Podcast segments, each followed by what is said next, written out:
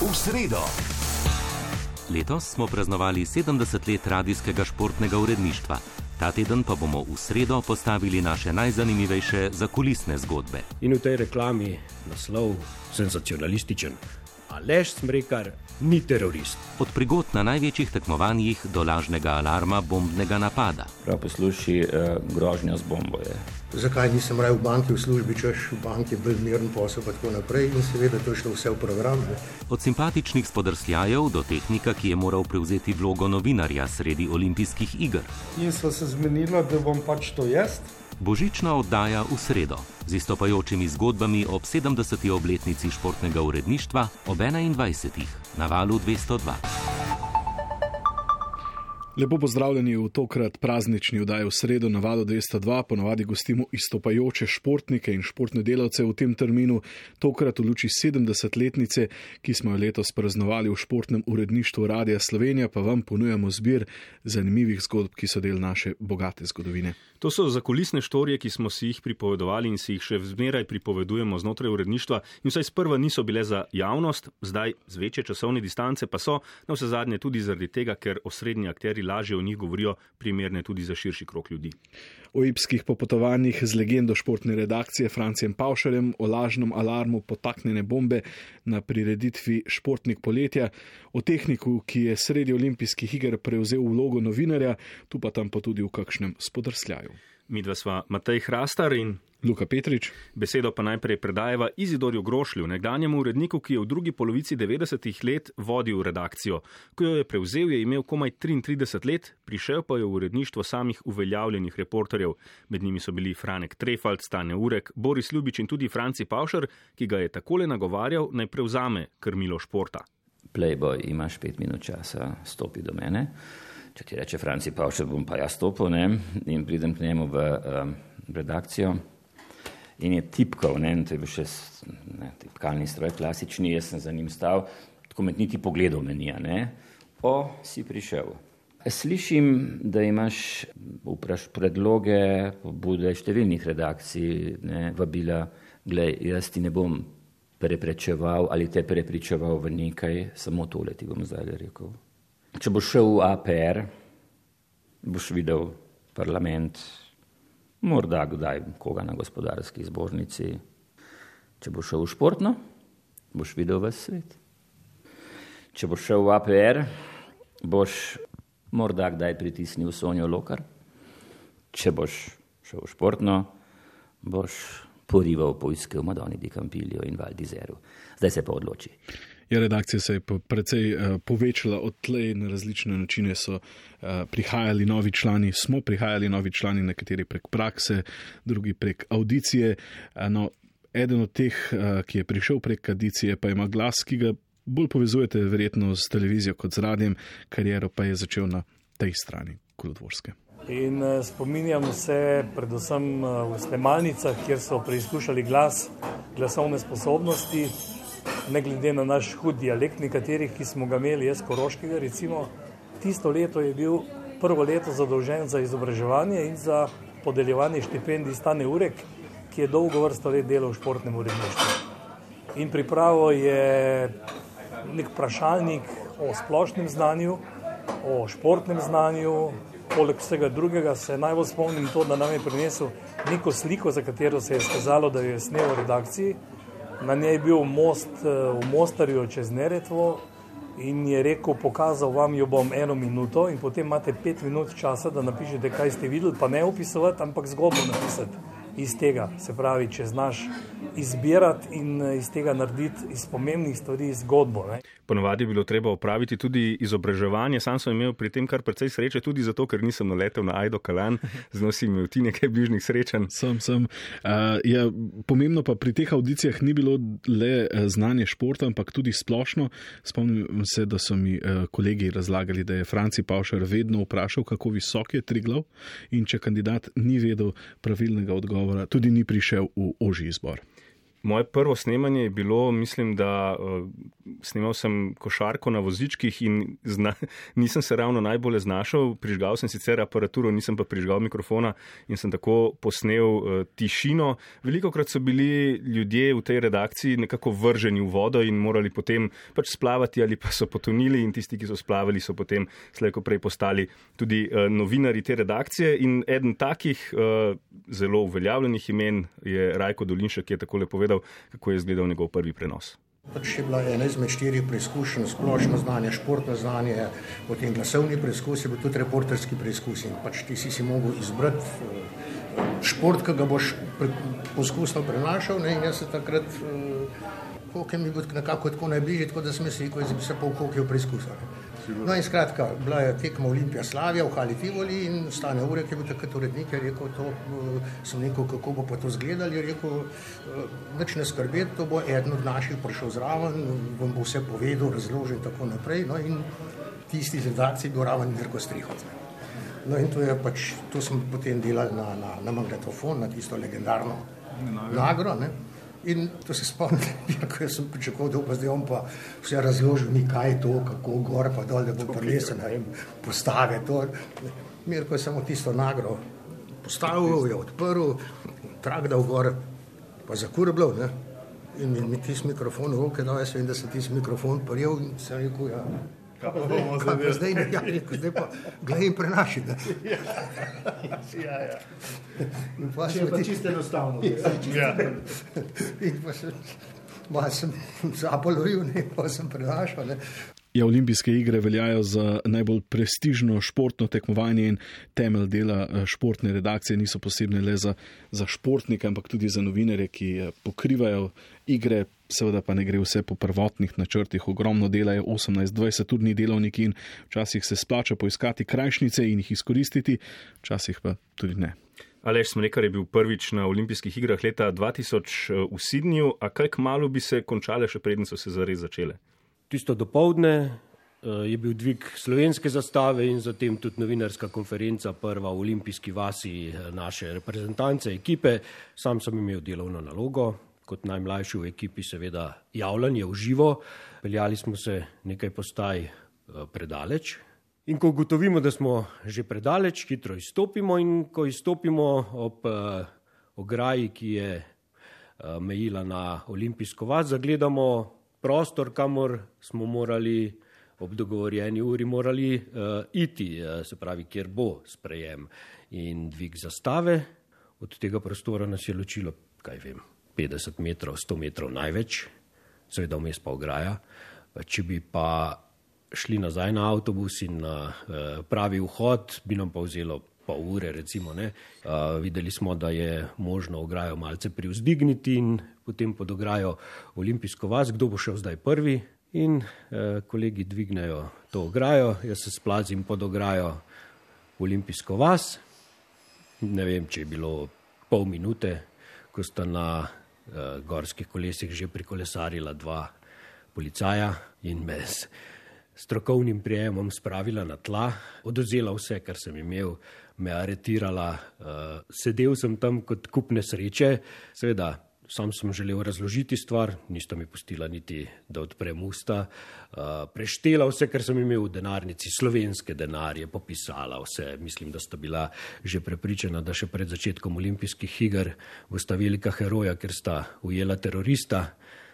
Nista bila pripravljena na noben kompromis, ampak sta rekla, da bo prišel nadrejeni in se bomo potem dogovorili. No, potem je prišel nadrejeni, razložil sem mu, zakaj gre.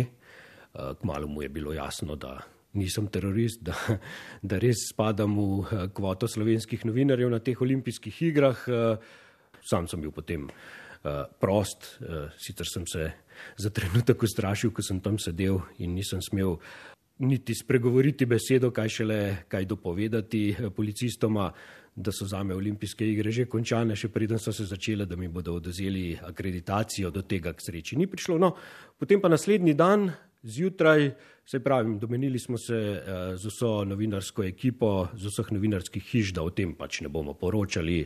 Um, en tak eh, gentleman agreement je bil to. Naslednji dan pa vodim olimpijski program iz uh, studia v Sydneyju in vmes, ko vodim program, napovedujem eh, kolege, eh, objavljamo prispevke, gre seveda tudi iz Ljubljanskega studia reklama za slovenske novice in v tej reklami naslov senzacionalističen. Aleš Smrekar ni terorist. Ja, Sidni prve olimpijske igre za Leša Smrekarja v Vancouvru, pa prve za zdajšnjega urednika Boštjana Rebršaka in eh, ja, skupaj z še enim debitantom, takrat Urošem Volkom, ste imeli nekaj vremenskih neušečnosti na tekmi deskarjev. Tribuna je, bila, je lahko sprejela 10 tisoč gledalcev in je bila do takrat največja montažna tribuna na zimskih olimpijskih igrah. Naše reportersko mesto pa nažalost povsem na vrhu te tribune um, kar pomeni, da si potreboval, recimo, realno, če si želel iti na stranišče, um, normalno, ne, da se nisi drenjal med gledalci, približno pol ure skupaj z oddihanjem, ne, ker zadihan pač v eter ne moreš. In uh, je bilo uh, zelo zoprno, ko si enkrat gor prišel, pač dejansko si se potrudil, da dol nisi več prišel. Eh, Nažalost je imela praktično rešitev ta reporterska kabina, da je imela na kljuki en tak mali zatič, ki si ga mimo grede stisnil, ko si zaprl vrata in ve, nisi vedel, da si dejansko ta vrata zaklenil. In ko je on, to je sicer trajalo dolgo, eh, prišel nazaj z izjavami, je se kar precej načakal, jaz pa tudi vedel nisem, da je čakal. Je, bil je res močen naliv, dežval je maksimalno, napravljen sem bil sicer v Bundo, pa mislim tudi za eno palerino, še preko nahrbnika, kjer sem še ostale stvari. No in pač, ko sem posnel približno teh 50 metrov, približno 50 metrov višinske razlike ja, do te reporterske kabine, grem pač po stopnicah eh, na vzgor. Eh, tečem, oziroma bolje rečeno, s hitrim korakom, ker teč se pravzaprav ni dal, ker je bilo toliko eh, teh stopnic.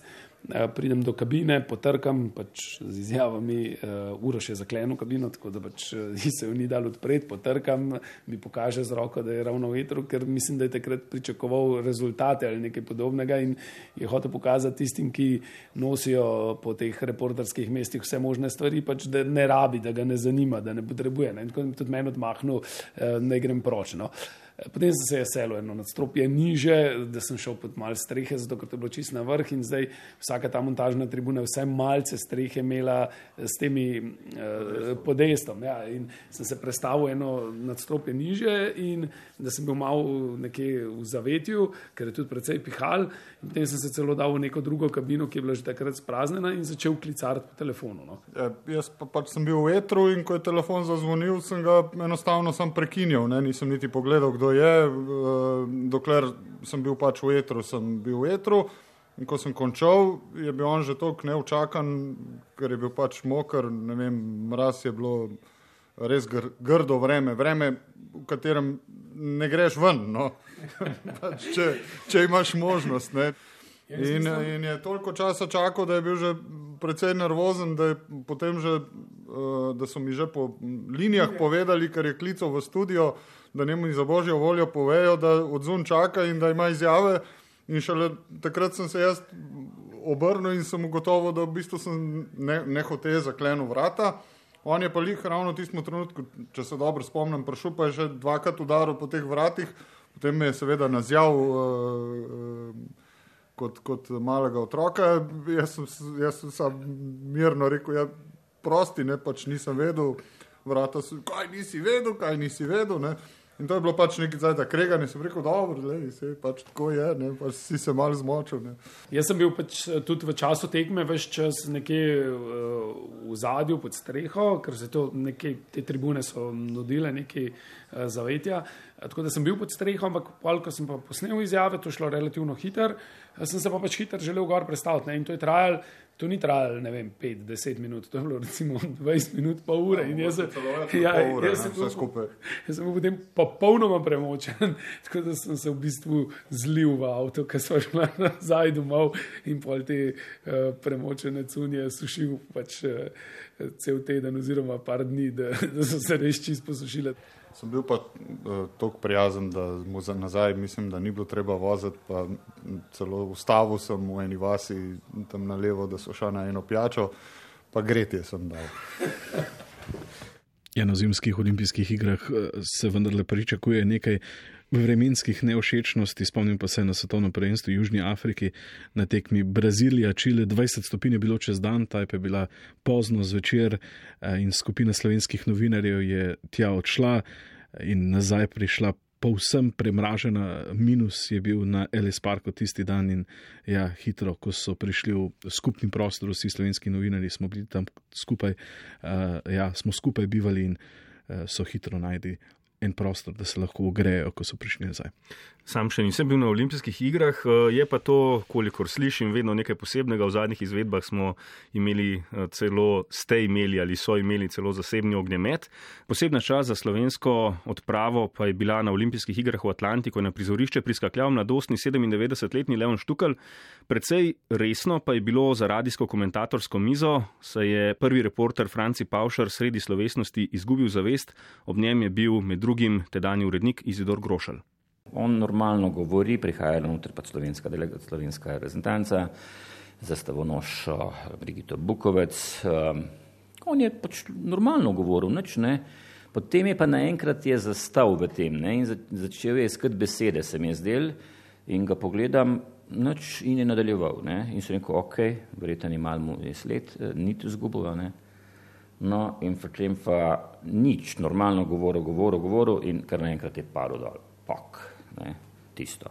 No in jaz sem takrat smo, jaz smo vsi skočili, Rajko jaz, tudi kolegi iz drugih eh, pač medijskih hiš po svetu, in tako si v paniki takrat, ne, ampak hvala Bogu, da so bili, da je bil zelo v bližini bil, um, nam rekel, da je doktor, ampak nek, en medicinc je bil zraven, tako da mu je takoj preskočil na pomoč in je izredno hitro, je prišel tudi pač reševalno vozilo, v nekaj minutah smo bili je bil on gor in smo šli potem skozi stadion dol odprto sireno in tako naprej. Izredno hitra reakcija. Zdaj ne vem, če bi bila mal počasnejša, kaj bi bilo, ampak na koncu so ga potem uh, lepo pospremili v bolnico. Ja, Franci Pavšar je potem eh, nekaj dni še preživel v bolnišnici v Atlanti, ni se ravno najbolje razumel z zdravniki in težko sprejel odločitev, da je za najbolje, da odide domov. Ko smo se že po nekaj ja, treh dneh vse dogovorili, kako, s katerim avionom, kdo bo tisti, ki ga spremlja. In ko sem jaz samo še moral oditi po Francijo v bolnico, pridemo v bolnico in pač njega ni bilo nikjer. Ne. In jaz, jaz, jaz pol ure nisem enostavno mogel verjeti, smislu, da se oni hecajo, ne. ampak ne, njega ni bilo. On je samostojno, samovoljno, prostovoljno odšel iz bolnice v, pač v Atlanto nekam, ne vem kam zdaj. No in eh, takrat je, bilo, je bila tista situacija, ki sem jaz rekel, pa dobro je, no mislim, zakaj. No. In pol je seveda, pa smo sprožili akcijo, um, jasno, da se je policija vključila. In potem sem šel jaz lepo uh, pač v studio uh, v Atlanti, naš, ne, se enko fantje, Francija ni. Ne. In se potem, vsak večer smo se vračali, ne, ne polnoči domov. No, in ko se mi približujemo motelu, v katerem smo pač bivali, tako že oddaleč mi kolega Rajko Dolinšek reče, Franci je glega. No, in Franci je bil seveda pred svojo sobo, naslonjen na vrata, sedel in očitno čakal, da ga kolege pozdravijo, potem ko je on zmagoslavno odšel iz tiste bolnišnice. No, in zadnja stvar, z tem, ki se spomnim, ko je odšel skozi letališka vrata, ne? še danes se spomnim številke, Gate 23 je bil, ko jaz. Temu primerno je bila seveda zmanjšana tudi radijska ekipa, saj je umankal zelo pomemben člen in zaradi tega je moral kot zasilni leteči reporter uskočiti tonski mojster Stane Košmrl Šibica, kar samo dokazuje, kako zelo pripravljeni so v izrednih situacijah vsi radijski ljudje. Predviden je bilo pa tako, da bo Franci vse atletiko na stadionu bo v Franciji pač pokriva. In Boris Ljubič je pa leteči reporter za izjave. Zelo je zato, ker so bila mi dva tam, smo pol um, nekako rekli, da pač eden od naju, da bo skočil in sva se zmenila, da bom pač to jaz, da bo pač on v studiu toliko več delal, tehnično smo zadevo rešili zelo enostavno, čeprav nedovoljeno. Jaz sem mu uh, telefon, bi se to mobitel, ne?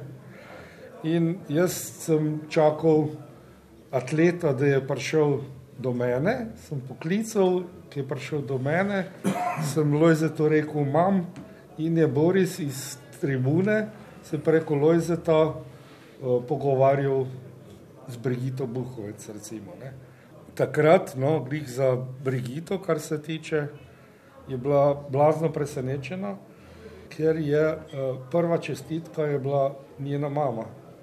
To so pa že zlubljane. Dodali še to, da uh, pogovarjal se, jaz sem bil samo uh, stojalo za, za telefon, pogovarjal se nisem nič, tako da rešili smo. No. Takrat ti tako ne razmišljaš, ker so take situacije, ko začne adrenalin špricati ali pa ko se pač nekaj zgodi, ki je treba rešiti, se takrat ti tako ne razmišljaš. Ne? Tepe je važno, da boš ti naredil uh, po najboljših močeh, močeh kar boš lahko, uh, pa merkat moraš, da kašem mu na nogo nastopiš v narekovajih, ne, da, da ne narediš kakšne velike neumnosti. Ne. Uh, drugač pa itak uh, ne, ne razmišljaš sploh o tem, kako se počutiš, ali si, ali ne. Važno je, da je narejena stvar. Ne. Pa že, že pokasiraš kakšen špricer ali pa, uh, ali pa kavo ali pa karkoli, ampak uh, v tistem trenutku, ko se pa stvar dogaja, pa ni. Eh, ni šans, da bi razmišljal o tem.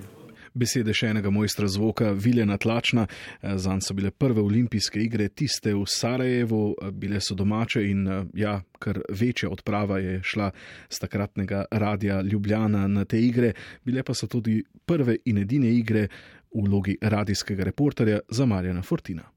Spominjam se najprej to, da sem mogel eno leto pred olimpijskimi igrami uh, iti poročati pač s kratkimi javljanji tudi o predolimpijskem smuku na Bilašnico. Spominjam pa se jo predvsem zaradi tega, ker je takrat zmagal avstrijski smukač Fafen Bihler, ki nikakor nisem mogel tega primka takrat izgovoriti, mi šlo na smeh, ampak recimo to je bil tak dogodek. No, kasneje na olimpijskih igrah pa je Franciju Pavšerju nekako zmanjkalo glasu dan pred tekmo ali dva dni. Na? In takrat mi je, da večer pred tekmo rekel, da bom drug dan mu asistiral na Veleslalomu, na Veleslalomu, na katerem je potem bil Jure Franko drugi.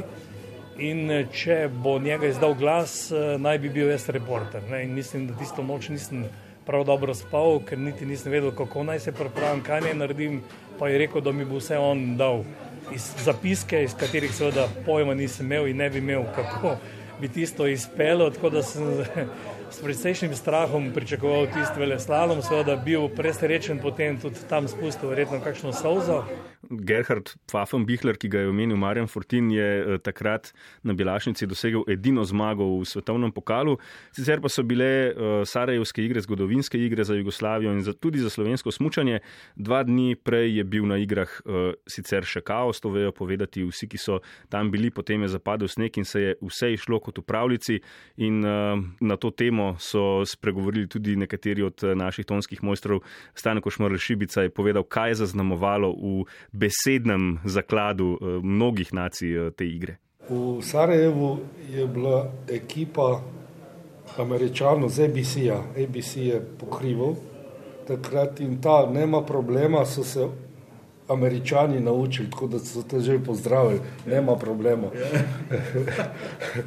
Kadar je bilo, seveda vse v redu, nema problema, kot, kot dober dan. No je slovenska športna javnost takrat največ pričakovala od uh, tekem alpskih smočarjev, uh, v 80-ih, seveda, alpsko smočanje, slovenski nacionalni šport in uh, na vse zadnje. Tudi Franci Pavšar, ki je bil reporter tekem alpskega smočanja. Sinonim za nje. Seveda, tudi uh, dobro znan uh, po uh, Eh, slovenskih domovih ob eh, nedeljskem eh, kosilu njegov glas. Zanimivo, ni pa imel izpita in tudi po vseh teh terenih alpskih smučarjev v Alpah ni vozil sam, ampak je imel vedno nekoga s seboj. Nisem mogel verjeti, ko sem šel prvič sam na terenu Kitzbil brez Francija, mislim, da z Igorjem ali pa celo res sam, nisem mogel verjeti, kako blizu je Kitzbil ko sem uh, šel na ta teren, namreč s Francijem je to trajalo, to je bilo popotovanje od Poncija do Pilata. Uh, ob sedmih zjutraj sva se domenila na kavici v njegovem lokalu, tule v Ljubljani. No, približno ob enajstih sva iz uh, tega lokala odšla. Potem je bilo pa nebroj postaj na poti do Kitzbila. To je bil Aleš Smrekar. Pogosto pa sta po alpskih smučarskih terenih Francija Pavšarja spremljala, ga vozila tudi še en naš nekdanji urednik Igor Tominec in Marjan Fortin. Vračanje z nočnega slaloma v Šladmingu, kjer se tekma konča nekaj pred deseto zvečer in potem je zagotovo še kakšne tri ure dela na samem terenu ali še kaj več. In ne vem, nekje okrog enih, dveh zjutraj sva se odpravila iz Šladminga nazaj proti Sloveniji, jaz sem vozil. On je sedel na sovozniškem sedežu in mi naročil, da ko prideva do avtoceste, naj ustavim na prvi črpalki. Mislim, da je to bila Ađipova. Skratka, vedel je natančno, kje se hoče ustaviti, ker mu je bila tam pri srcu ena krčma. Ampak, ko smo prišli na avtocesto, je on že fino zaspal v avtu zraven, meni pa ni bilo nič do tega, da bi se do ne vem kdaj sedmih, osmih zjutraj vozil eh, do Slovenije in sem pač stopil na plin in ta Ađip mirno prevozil. In zbudil se je ravno nekaj kilometrov, preden sva prišla do naslednjega postajališča z isto to znamko in mislili, da je to, da sva zdaj tam. Ne. Zapeljeva dol, natočiva gorivo in potem mi reče: Zapelji tukaj zadaj za črpalko, kjer je ta moja krasna krčma. Zapeljem zadaj, e, ni bilo seveda tam ničesar, razen gozda in nekaj parkirišča. In je gledal, in mu ni bilo jasno, in je nekaj godrnil po svoji navadi, in potem na koncu je ugotovil, ja, Madona, potem so podrli. In sva se peljala dalje, ne, in ne vem, kakšen kilometr ali dva sem, po moje, zdržal, potem sem se začel nasmihati, smejati zraven njega v avtomobilu. Ne. In uh, mi je rekel, ja, mojster, kaj uh, si ga malo srknil nekje ali kaj. Ne. Potem je ugotovil šele čez precej časa in uh, to zaradi tega, ker smo prevozili samo en predor pri Kačbergu, ko je bil on zbojen, smo prevozili samo enega nekako ni bilo jasno, krčmo že podreš, ampak da en šest kilometrski eh, predor ukineš v avstrijskih Alpah, to je pa bilo malo čudno. In eh, ja, mislim, da je trajalo kakšnih sto kilometrov, preden je ugotovil in mi povedal, da sem ga eh, krasno peljal žejnega čez vodo. Ja, poti s Francijem Pavšerjem so bile zelo zanimive, predvsem si za to mogel imeti čas vzeti se ga mogel, zato ker ko smo štartali iz Ljubljane, smo se do Kranske gore ustavili vsaj dvakrat ali trikrat. Jaz kot bivši smučar sem sabo ponavadi veliko krat vzel tudi smučke in spominjam se dogodka v Adelbodnu, mimo grede stanovali smo pri Nunah takrat in pred zajtrkom eh, zjutraj je pač bila najprej na vrsti molitev in šele potem hrana. No, potem pa neko leto se spominjam, da snega ni bilo na to stran, kjer je ponovadi vele slalom in tudi slalom, ampak na drugo stran. Kaj se je zgodilo? Na vrhu je bil štart, cilj pa potem v dolino na drugo stran, kamor se ni dalo priti drugače kot smučmi. In ko prideva na vrh z gondolo, mi pravi Franci, ja, kaj hudiča, kaj pa zdaj? Jaz sem rekel, ne vem, jaz bom odsmučal do cilja. Je rekel, odlično, je rekel, kar pojdi naprej. In ko se bo tekma začela, če me še ne bo, začni prenos. In znova, brez vsakršne priprave, praktično štartno listo v zadnjem žepu sem odsmučal tam. In bolj kot se je bližal štart prvega tekmovalca, bolj sem bil nervozen in seveda veliko tremo sem imel, kaj zdaj. Ne? Linija je bila spostavljena, Francija od nikoder. Mislim, da je bilo še 2-3 minuti do začetka, do prvega tekmovalca, ko se okrog hriba pripelje teptalec, na njem v zadju pa vidim glavo Francija Pavžirja, ki ga je navzdol pripeljal teptalec, tako da je prišel ravno tisti trenutek, ko je prvi smučar začel tudi veleslav. Poslušate vdajo v sredo na Valo 202, v kateri beležimo zakulisne zgodbe ob 70-letnici športne radijske redakcije.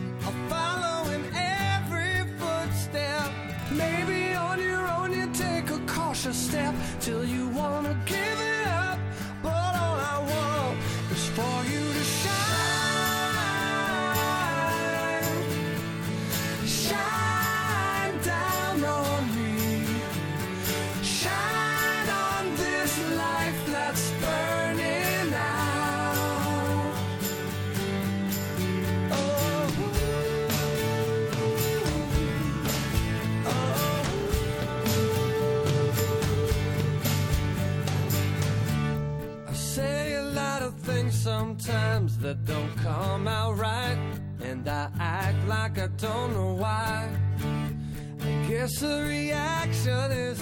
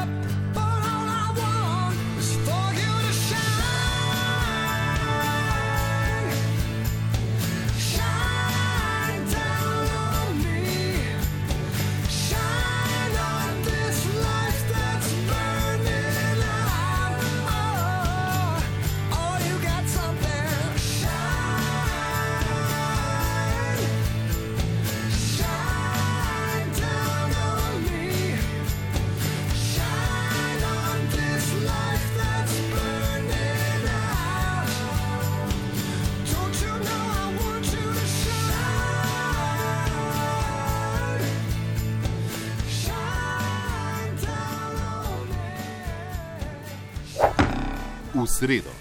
Težko si je nam, članom mlajše generacije, predstavljati, v kakšnih razmerah so eh, in s kakšnimi napravami včasih delali naši predhodniki. Eh, Izvajali so različne podvige javljanja iz severne Triglavske stene, skok s padalom in podobne stvari. Vse to bomo tudi še navedli v nadaljevanju. Naša naslednja zgodba pa je z olimpijskih iger v Pekingu, kjer je slovenska odprava zbrala pet medalj, svojo drugo in drugo jedravsko za Slovenijo pa je osvojil Vasiliš Bogar. Eh, Za novinarje je včasih dobro, če zna pozabiti na okolico in odmisliti vse, nekateri so pri tem boljši, nekateri slabši. Aleš Smrekar pa se je pri tem na olimpijskih igrah v Pekingu izjemno izkazal, ko je prav eh, to medaljo Vasilija Žbogarja pospremil na jadralnem polju v Čingdao.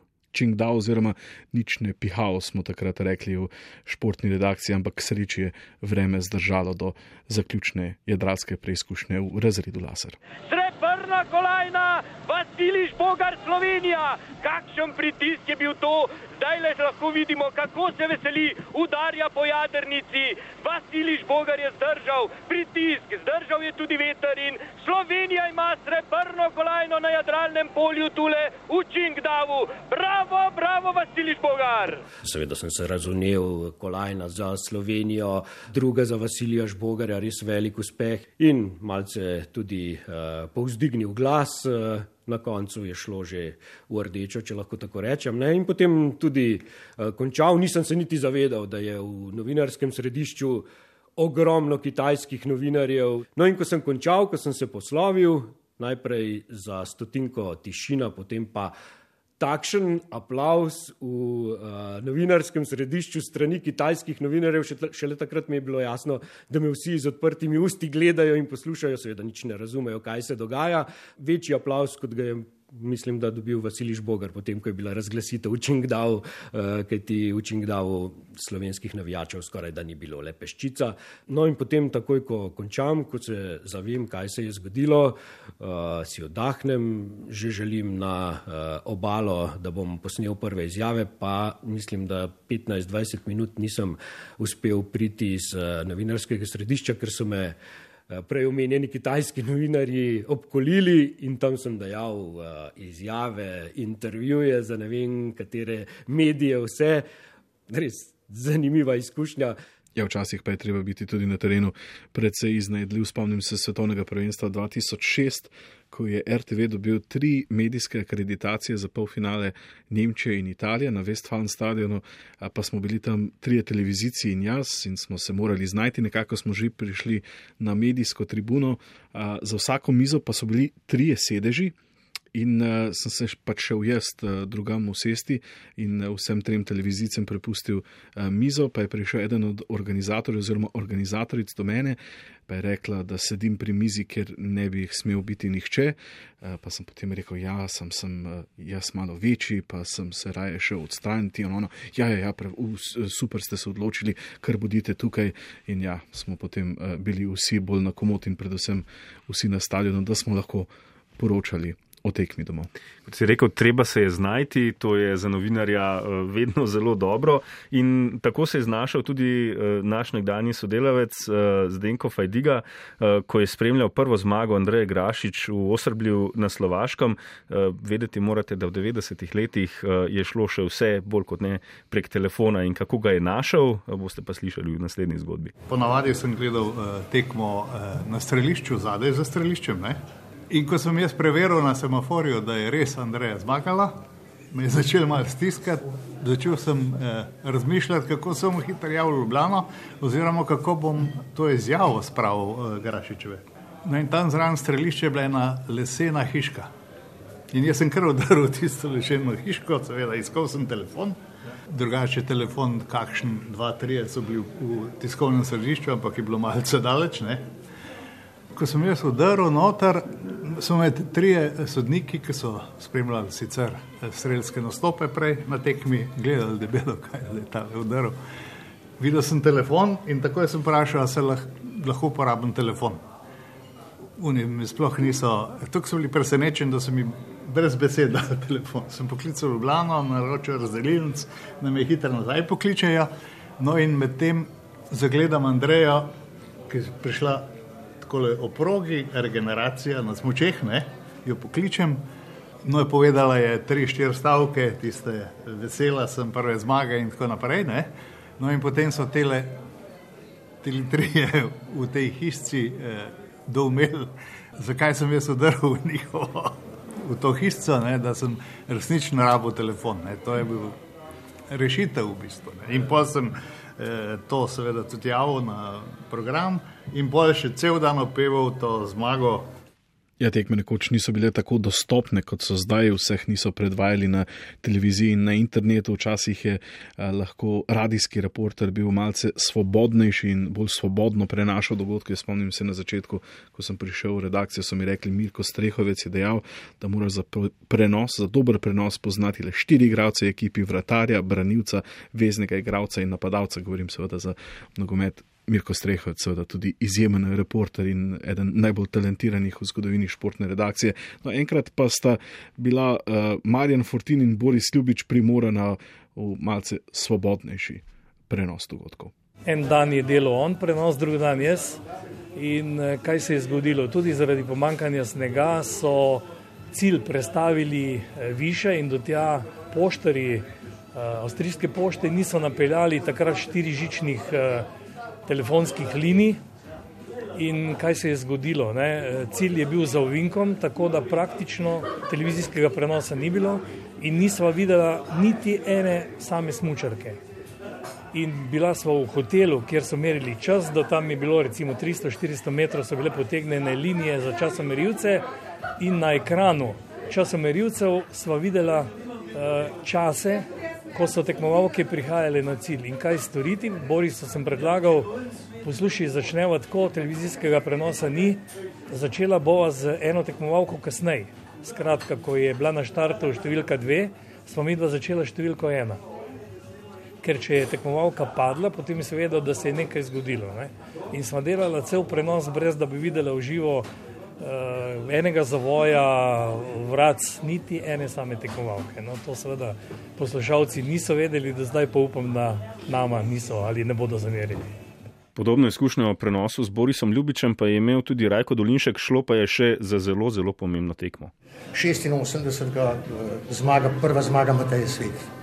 V Visokih Tatrah, kjer smo šli z Borisom Ljubičem, ki je bil pač reporter za alpsko smučanje žensko, pa če sem mu pomagal. Ne? In tam seveda, tam ni bilo nobenih monitorjev z rezultati, nobene televizijske slike, še, še na, na, na un. Glavni monitor na, na, na cilju nisva videla, ne? tako da sva delala, vem, da so najo posadili kot eno pastirsko kočo, ne? ko sva čez okno gledala in, in, in ena lesena miza, si je Bobi dal pač tiste papirje ne? in edina možnost to je bila, da sem, smo odprla vrata po okn, da sem medtem, ko je on prenašal, sem jaz poslušal uradnega napovedovalca, da je povedal čas in jaz sem pa to na roko njemu pisal ne, in razvrščal, da je imel te čase, da je imel on vrstni red. Ne. Je bilo pa to dobro, ker ni bilo televizijskega prenosa, tako da naja ni mogel noben kontrolirati.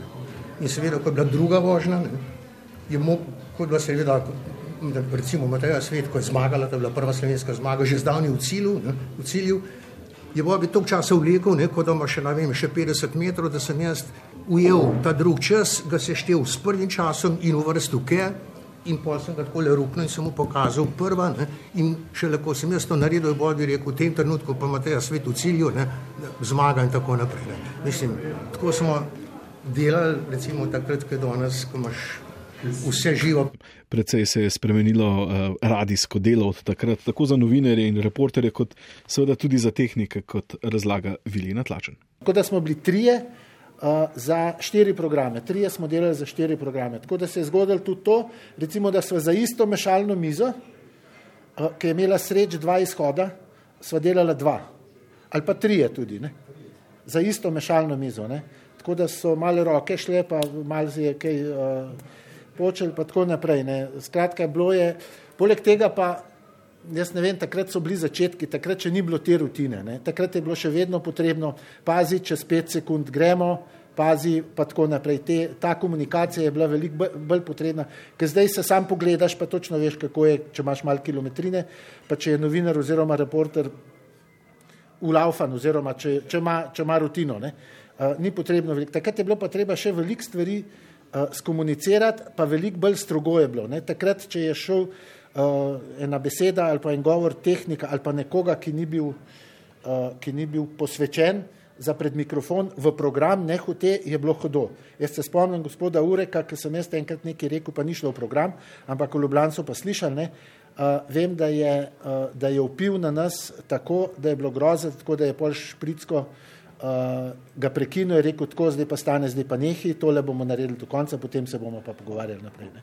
Skratka, zelo, zelo, tako, zelo strogo je bilo, zelo, uh, zelo ta hierarhija je bila zelo, uh, zelo zdelana. No. Uh, po drugi strani pa zvečer tam v ene enajstih ali pa desetih, ne, ko smo končali, ne, potem se je pa to pa pač uh, mal uh, izravnalo. Ja, gospod Urek, tudi pri naslavljanju se pozna razlika takrat in danes. Tudi naslednja zgodba pa je zgodba o odnosu med novinarjem in športnikom, oziroma v tem primeru selektorjem nogometne reprezentance. Srečko Katanec je bil eden najboljših slovenskih nogometašev vseh časov, je pa tudi samo svoj samoglav, predvsej trmast v Južni Koreji ko je šlo vse čez rob po tistem sporu in odhodu Zlatka Zahoviča, pa so tudi Katancu živci popustili med intervjujem z nekaterimi slovenskimi mediji. Tam je bil tudi Boštjan Janežič, ki se je moral, kot boste slišali, sredi pogovora, se je moral nujno oglasiti v domovino in takrat je Katancu prekipelo. In je odkorakal stran. Še opozorilo, naslednji posnetek bomo predvajali v originalu, jezik pa je precej sočen, saj ne manjka kletvic. Bil sem pa že dan predtem eh, dogovorjen tudi z jutranjim programom na televiziji Slovenija, da eh, se oglasim z najnovejšimi vestmi, tudi s tistimi obrobnimi, ne eh, samo tekmovalnimi. In vse skupaj se je zavleklo. Najprej smo posneli predsednika zveze, Slovenska tiskovna agencija je bila še poleg in eh, televizijske kamere in bilo bi se potrebno že oglasiti na televizijo. Eh, mobitel je neprestano zvonil v žepu. Eh, jaz sem bil tisti, ki sem vnaprej za preostale vodil ta intervju. Bili smo že nekje na dveh tretjinah. Srečko Katanec je tudi želel povedati vso svojo resnico po tistem eh, verbalnem sporu z zvezdnikom reprezentance in je že opazil, da vse skozi ugašam mobilni telefon. Potem sem pa vendarle ustal, ko je bilo že tega preveč in čas za oglasiti se v domovino. Nihče od kolegov kolegov ni potem prevzel. Mikrofon sem pustil na mizi, se odstranil, eh, javil na telefon in eh, Srečko Katanec je hitro potem, eh, predvsem mene oziroma vse novinarje, potem zmerjal grdo ravnal eh, z nami, brez kasneje tudi kakšnega upravičila, da je samo on res profesionalec, ostali pa smo tu bolj na izletu na tem južnokorejskem otoku Džejđuju, kjer se je pripravljala in igrala slovenska reprezentanca zadnjo tekmo. Takrat tudi tisto eh, snemanje ob njegovem eh, negodovanju in žalitvah, ki sem jih potem takrat poslal v domovino, ker mikrofon je ostal na mizi tudi ob zanj nenapovedanem eh, snemanju tudi teh drugačnih, neuradnih eh, besed, ki jih je izrekel. Ja, in ta posnetek tudi hranimo na Radio Slovenija. Fante, ne bo reči, da sem jaz de, debil, ne. Ti se z mano pogovarjaš, intervju delaš, ne, ti imaš pa uklopon, ne. Sem to ste res, mislim, mislim.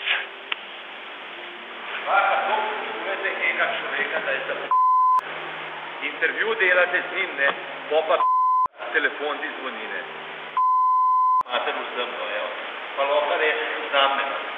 To je spoštovanje enega profesionalca, ki dela posel, ne. A ti celotna zadeva takrat presenetila? Zelo me je presenetila, eh, način me je presenetil, predvsem, eh, ker ni dopuščal nobenega upravičila, razlage, samo njegova je bila tista z glavo skozi zid in ta je bila končna in eh, resnica je tista prava njegova. Razmere na terenih so včasih lahko precej zahtevne, ne samo zaradi vremenskih razmer ali česa drugega, ampak pač zaradi okoliščin, v katerih se znajdemo. Mojster zvoka Loj Zagačnik je bil nekajkrat član olimpijske odprave, na zadnje v Sočiju, kjer je bil edini tehnik. Njegova prigoda nekaj dni pred začetkom igr kaže na to, kako pomembni so tisti člani, ki jih morda ne slišite, a brez njih nas ne bi slišali. Sem jaz bil v hotelu, pa nekaj sem pripravljal, ker smo, mi smo si hrano sami pripravljali po zvečer v hotelih, hotelu. Ne. In sem nekaj lupo ali rezal, ne vem kaj, sem se malo v prstu rezal. Kličem ga, smrekar ne prenese en flajšter, ne, da bo tu. In rekel, vse post nože posprav, zaklen, samo tebe imamo tlele, ne, za cel čas, ne. Prav neč, počak, da pridem, ne. Pa pride on, uh, je on naprej naredil seveda. Potem čez en teden, ko pridejo, so prišli vsi ostali novinari, uh, jedli smo pa zvečer, ko smo prišli, ne, in enkrat je en kuhan, kot drugi. Mene niso pustili nič, samo žlico sem lahko jedel, tudi nože niso več dal, ker prav samo tebe imamo. Pa glej, da ne bo, da ne bo kaj, pa da ne bo kaj narobe tudi uh, zdravjem, pridno jemli tablete, ne. Vsak večer je treba vzeti preventivno. Ne. Jelojz je zdaj upokojen, nekoč pa se je po radijskih hodnikih pogosto slišala njegova znamenita misel: Me ne zanima. Zato, da nisem poslušal raznih neumnosti, iz, ne bom rekel, z katere strani, pa to, ali ne bo z tehnične ali z novinarske, zmeraj kdo bi rad kaj povedal, kako je tega dobo, kaj je to, skoro to me ne zanima, kako pokažka ima za narediti, ne govorim, ne kar nekaj. Ne. Ne, zato me ne zanima, me to, kar ti pripoveduješ. Veš, sem ga kumi ujel, pa jaz sem kje leto za njemu, pa pol je šel za vogal. Nikoli me to ne zanima. Kaš kaj imaš, bomo naredili, pa gremo naprej. Ne. Ja, tehniki so poskrbeli za nekatere mejnike radijskega dela, nekatere se tudi Matej prej že omenil. Ja, prvo živo oglašanje iz letala, pa oglašanje pod vodo, s potapljanja, oglašanje z uspona na severni Triglavski steni, na vse zadnje pa tudi za prvi prenos skoka s padalom. V ekipi so bili Franci Pavšer na tleh, Boris Ljubič v zraku, nekje vmes pa Rajko Dolinšek. In pričakujemo odskok. Roman Pogačar je rekel ok in odskočila sta. Roman Pogačar in Rajko Dolinšek na v tem trenutku v zraku.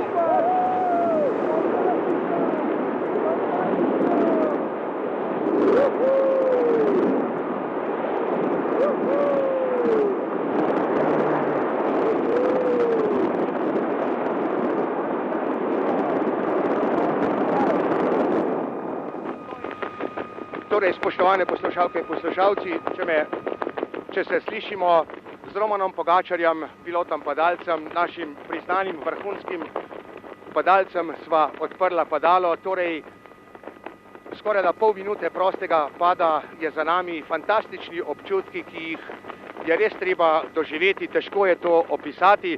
Zdaj le letiva z odprtim tandemskim padalom na višini približno 1100 metrov, imamo prekrasno, lepo sončno vreme, pod nami gledava Radovlica Bled, daleč stran Blejsko jezero z otokom. Ja, takole bi rekel, lepo je bilo poslušati te lepe besede iz zraka, iz višav, lepo opisano vse tisto doživetje, ki bi ga more biti vsakdo lahko tudi med nami, med nami tukaj, ki se nas je zbralo, doživel. In sedaj, poglejte, To je tandem, mehko je pristal Rajko Dolinšek na zemlji, prenašal vam je iz zraka, res bi lahko rekel svoje doživetje padalsko. No, kaj to pomeni ta tandem? No, da te nekdo od izurjenih padalcev, to je bil Roman Pogačar, krepko zgrabi, skupaj potem zdrvita v globino, višina, kot smo slišali, je bila tam nekje okoli 2800 metrov, mora biti eh, blizu 3000 in potem počakaš, da se padal odpre. Navadno se, tokrat se je. V tem delčku prenosa ste lahko tudi slišali, kakšen mojster besede je bil Franci Pavšar.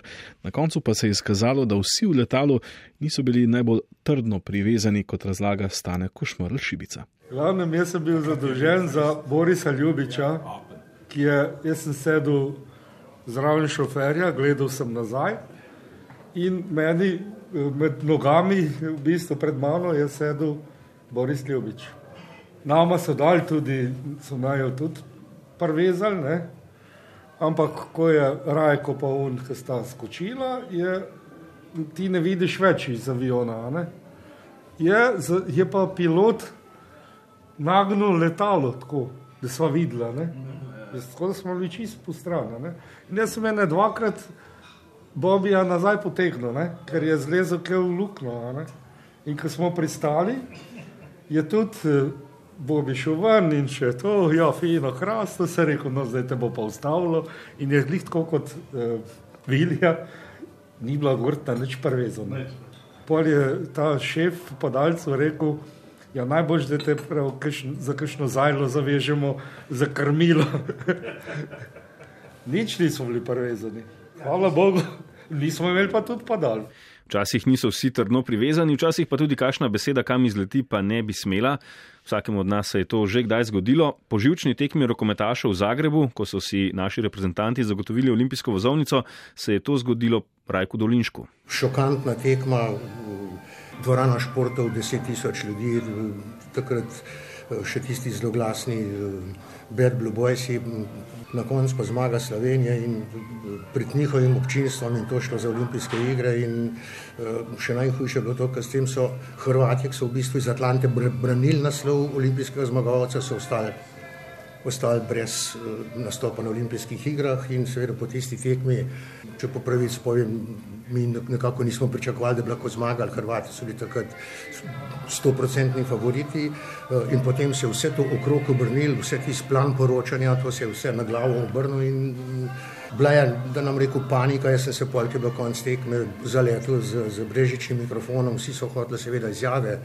V naši slačilnici, tam je bil uh, selektor Majč Jeras, vsi so skakali, objemali se, vsi so ga vlekali in jaz sem se takrat hotel uživo oglasiti uh, s temi izjavami, ne, po mobitelu, ne, gužva je bila, ne se ni slišal. Ne, in, Pa je samo rekel, čez eno minuto pazi, čez eno minuto si, jaz sem tisti mikrofon koleg se utišal, z eno roko majča jera se držal, da mi ga niso pobrali in seveda ena izmed, ena izmed zlatih pravil je bilo pred mikrofonom eh, ne govor grdo, bog ne dej, da bi še kakšne kletvice, ampak v tisti živčnosti sem jaz takrat neki zaklev, sočno zaklev ne, in potem rekel, Uh, zakaj nisem raje v banki v službi, češ v banki bolj miren posel in tako naprej in seveda to je šlo vse v program. Ne. Ampak seveda to je bilo potem nič ni bilo, nič ni bilo narobe, ker to se je videlo okoličine in tako naprej. S tem, da sem tudi takoj dobil od našega urednika nazaj povratno informacijo, uh, Izdor Grošelj je rekel, jaz imam zvezo na SKB, prav ti to ustreza. Za konec pa še ena prigoda in sicer s prireditve Športnik poletja. Nekoč smo na koncu poletja in zime v športni redakciji izbirali še najboljšega iz nabora tistih, ki so zmagali v glasovanjih za Športnika tedna. Prireditev je gostovala po različnih krajih v Sloveniji, enkrat tudi v Lukovici, kjer pa ni šlo vse po prvotnih načrtih. V tej Lukovci isto je bilo to tako veselica, to je bila odprta scena in ljudje so hodili tja. No, in med prireditvijo meni reče uh, pač lastnik, prav posluši, uh, grožnja z bombo je. Uh, pa se neko čakaj zdaj. Prav gled nač bat, to jaz vem, kaj je sosed ali usumen. Isto gostilničar. Čak se neko ne se heca, da ne bo res kaj narobe. Prav gled, prevzemam na lastno odgovornost, da uh, ne bo nič. Vem, pač ne mara me, ne marava se, sem ko si ti poklical policijo, ja, prav ne, Če policija prišla je konc, pa ne, mislim, pol je to tako. Skratka, nič ni bilo narobe, seveda na koncu. Nobeden ni tega vedel, razen pač ozek krok ljudi, ki smo to pripravljali. In smo rekli, Madonna, ha, da se še to ti zgodil. Ampak to je bilo zdaj pač, veš, se je bilo dva meseca po Atlanti. da se rekel, sem še to, zdaj manjka, da mi tle bomba poče v bistvu sred prireditve. Vse zgodbe, ki so se članom tega uredništva pripetile v sedmih desetletjih, je ne mogoče prešteti in povedati. V tej oddaji ste slišali le delček tistega, kar se nam je najbolj otisnilo v spomin in kar ob naših druženjih odmeva še dan danes. Tako kot se je od leta 1949 spremenil svet, v katerem živimo, se je povsem spremenil tudi način našega dela, spremenila so se pričakovanja vas, poslušalcev, in spremenil se je slovenski šport. Z vsem tem so se spremenili tudi ljudje. Vse najlepše v novem letu in še na mnogo veselih trenutkov ob našem poročanju. Oddajo smo pripravili novinarja Luka Petrič in Matej Hrastar ter tonski mojster Franci Modar. V sredo.